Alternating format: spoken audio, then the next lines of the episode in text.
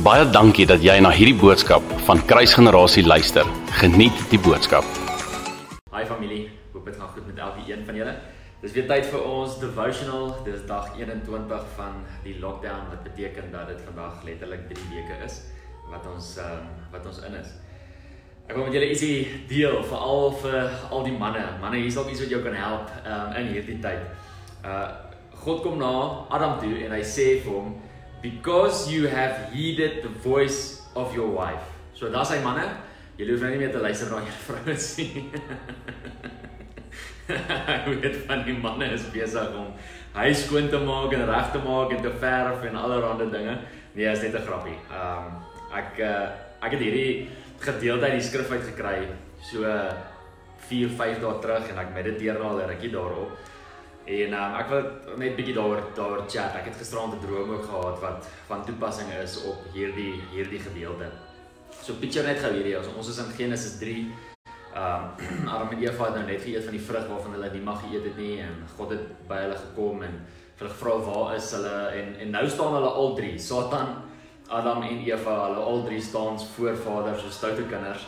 En die Here is besig om met elke een van hulle te gesels. Hy gesels met Satan en hy vertel vir hom wat die straf is. Hy gesels met Eva en hy vertel vir haar wat die straf wat die straf is. En dan kom hy daar by Adam en hierdie is wat hy vir Adam sê. Hoor gou hierso in Johan in Genesis 3 vers 17. Uh because you have heeded the voice of your wife and have eaten from the tree of which I commanded you saying you shall not eat of it. Okay, so so hoor net gou hierso. Hier's Adam en God praat met Adam en hy sê vir Adam, hy raas nie met hom omdat hy gedoen het wat die duiwel wou gehad het hulle moes doen nie. Hy spreek hom nie aan omdat hy gemis het en ges, gedoen het wat Satan vir hom gesê het nie. Hy spreek hom aan omdat hy geluister het na iemand anders se stem en omdat hierdie stem letterlik kontrasterend was teenoor dit wat die ander stem gesê het. So so Eva kom, sy vrou, die uh, intieme partner van hom, sy kom en sy gee vir hom 'n woord en hy luister daarna in plaas van om te luister na die woord wat God gesê het en familie ek is so bewus van die feit in hierdie tyd dat ons as kinders van die Here nie kan bekostig om nie God se stem te hoor nie. Jy moet God se stem hoor. Jy moet God se stem hoor vir jou lewe. Jy moet God se stem hoor vir jou situasie. Jy moet God se stem hoor vir waantoe ons op pad is. En en kan ek net vir jou sê as jy nie God se stem gaan hoor nie, gaan iemand anders vir jou God se stem behoor en gaan iemand anders vir jou wil kom sê hoe jy gaan moet maak, hoe jy gaan moet optree, wat jy gaan moet doen en watter rigting jy gaan in, in beweeg. En dit is nie noodwendig die regte stem nie.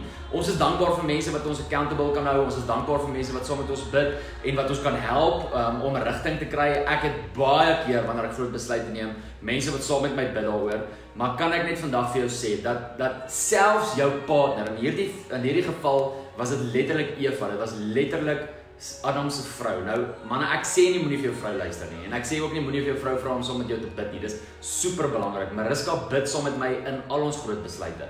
Wat ek wil sê is dat dit so belangrik is om seker te maak dat jy nie as gevolg van 'n intieme verhouding wat jy het met iemand soveel boldness en soveel vrymoedigheid in daai persoon plaas dat jy God se stem mis nie want dit is so moontlik. Hier's Adam, hy luister na Eva vir wie hy liefhet se woord en hy plaas dit bo God se woord. Kom ek gee julle gou 'n voorbeeld. Ek het hierdie nog nie met met julle gedeel nie. Ek het dit al met van my geestelike seuns gedeel. Maar in 2014 ehm um, in Mei kom pastoor Renier na my toe. Toe's ek die senior pastoor in Witbank gemeente. En hy kom na my toe en hy sê vir my Um hy wil graag hê ons moet Middelburg toe trek. Hy wil my aanstel as assistent pastoor. En ek het eens gehuiwer nie. Ek het dadelik vir hom gesê, "Pastoor, nee, ons ons sien nie kans nie. Ons wil dit nie doen nie." Want ek senior pastoor daar en uh, ek is nog nie lank daar nie. Ek's omtrent 7 of 8 maande daar en dit het regtig nou begin goed gaan met die gemeente en ek het net dadelik besluit nee, ek ek gaan dit nie doen nie. Maar seker so 3 weke, 4 weke daarna, maak die Here my wakker een aand en hy sê vir my, "Jan, jy moet Middelburg toe gaan." En ek skrik. Ek maak vir Mariska wakker en ek sê vir Mariska, "Baby, hierdie is wat die Here vir my gesê het. Die Here het vir my gesê ons moet Middelburg toe gaan." En ek bel vir pastoor Nier en en ek vra vir hom kan ek en hy gaan koffie drink en ons gaan drink koffie. En ek vra my geestelike vaders, mense vir wie ek ongelooflik lief is, mense met vir wie ek ongelooflik baie respek het, om saam met my te bid. En een van my geestelike vaders kom na my toe en hy sê vir my, "Die Here sê jy mag nie Middelburg toe gaan nie." En ek in my hart voel ek moet Middelburg toe gaan. Die Here het my wakker gemaak. Die Here het vir my gesê ek moet Middelburg toe gaan.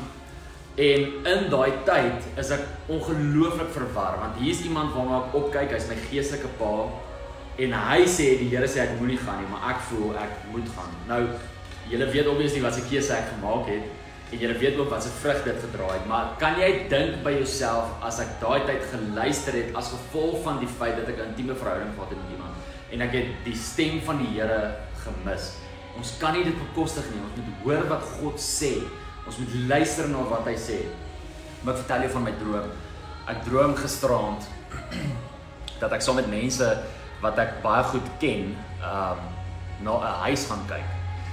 Ek ken nie die huis nie, ek was nog nooit by hierdie huis nie, maar terwyl ek by die huis toe ek by die deur instap, toe ek instap by die deur, toe wag daar demone vir my binne binne in die huis. En hulle val my aan en in die droom weet ek nie wat gebeur nie, maar ek besef dat okay, ek gaan nou binne in 'n volgende vertrek in en toe ek by daai deur instap, toe wag daar weer demone vir my. Toe stap ek na 'n volgende vertrek toe en toe ek by daai deur instap, toe wag daar weer demone vir my. Ek was so ontstel geweest, ek het vanoggend halfuur wakker geskrik in vrees en in angs en met die Here gesels oor hierdie ding en vanoggend verder gesels met die Here en ek is so bewus dat die Here vir my sê en ek dink dat dat hierdie elke een van julle ook kan help dat daar ongelooflik baie stemme is op hierdie oomblik. Deure praat van nuwe geleenthede.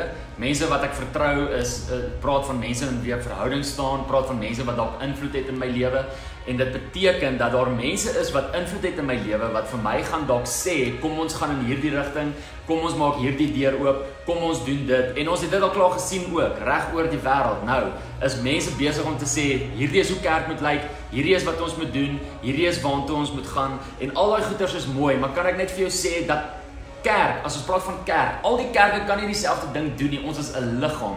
En en en ons as 'n liggaam, ons kerk, kruisgenerasie as deel van die liggaam van Christus, moet seker maak dat ons gehoorsaam is aan die hoof van die liggaam, aan Jesus Christus. En ek ervaar hoe die Here my waarsku teenoor om in verkeerde geleenthede in te stap, verkeerde opportunities in te stap en om te luister na die verkeerde stemme. Kind van die Here, jy moet luister na dit wat God vir jou sê. Do not heed the voice of someone else. Heed the voice of your Father. En hierdie is my gebed vir jou dat jy in hierdie tyd God so sal ontdek dat jy letterlik presies sal weet hoe sy stem klink en dat jy presies sal weet wat jy moet doen en hoe jy moet optree.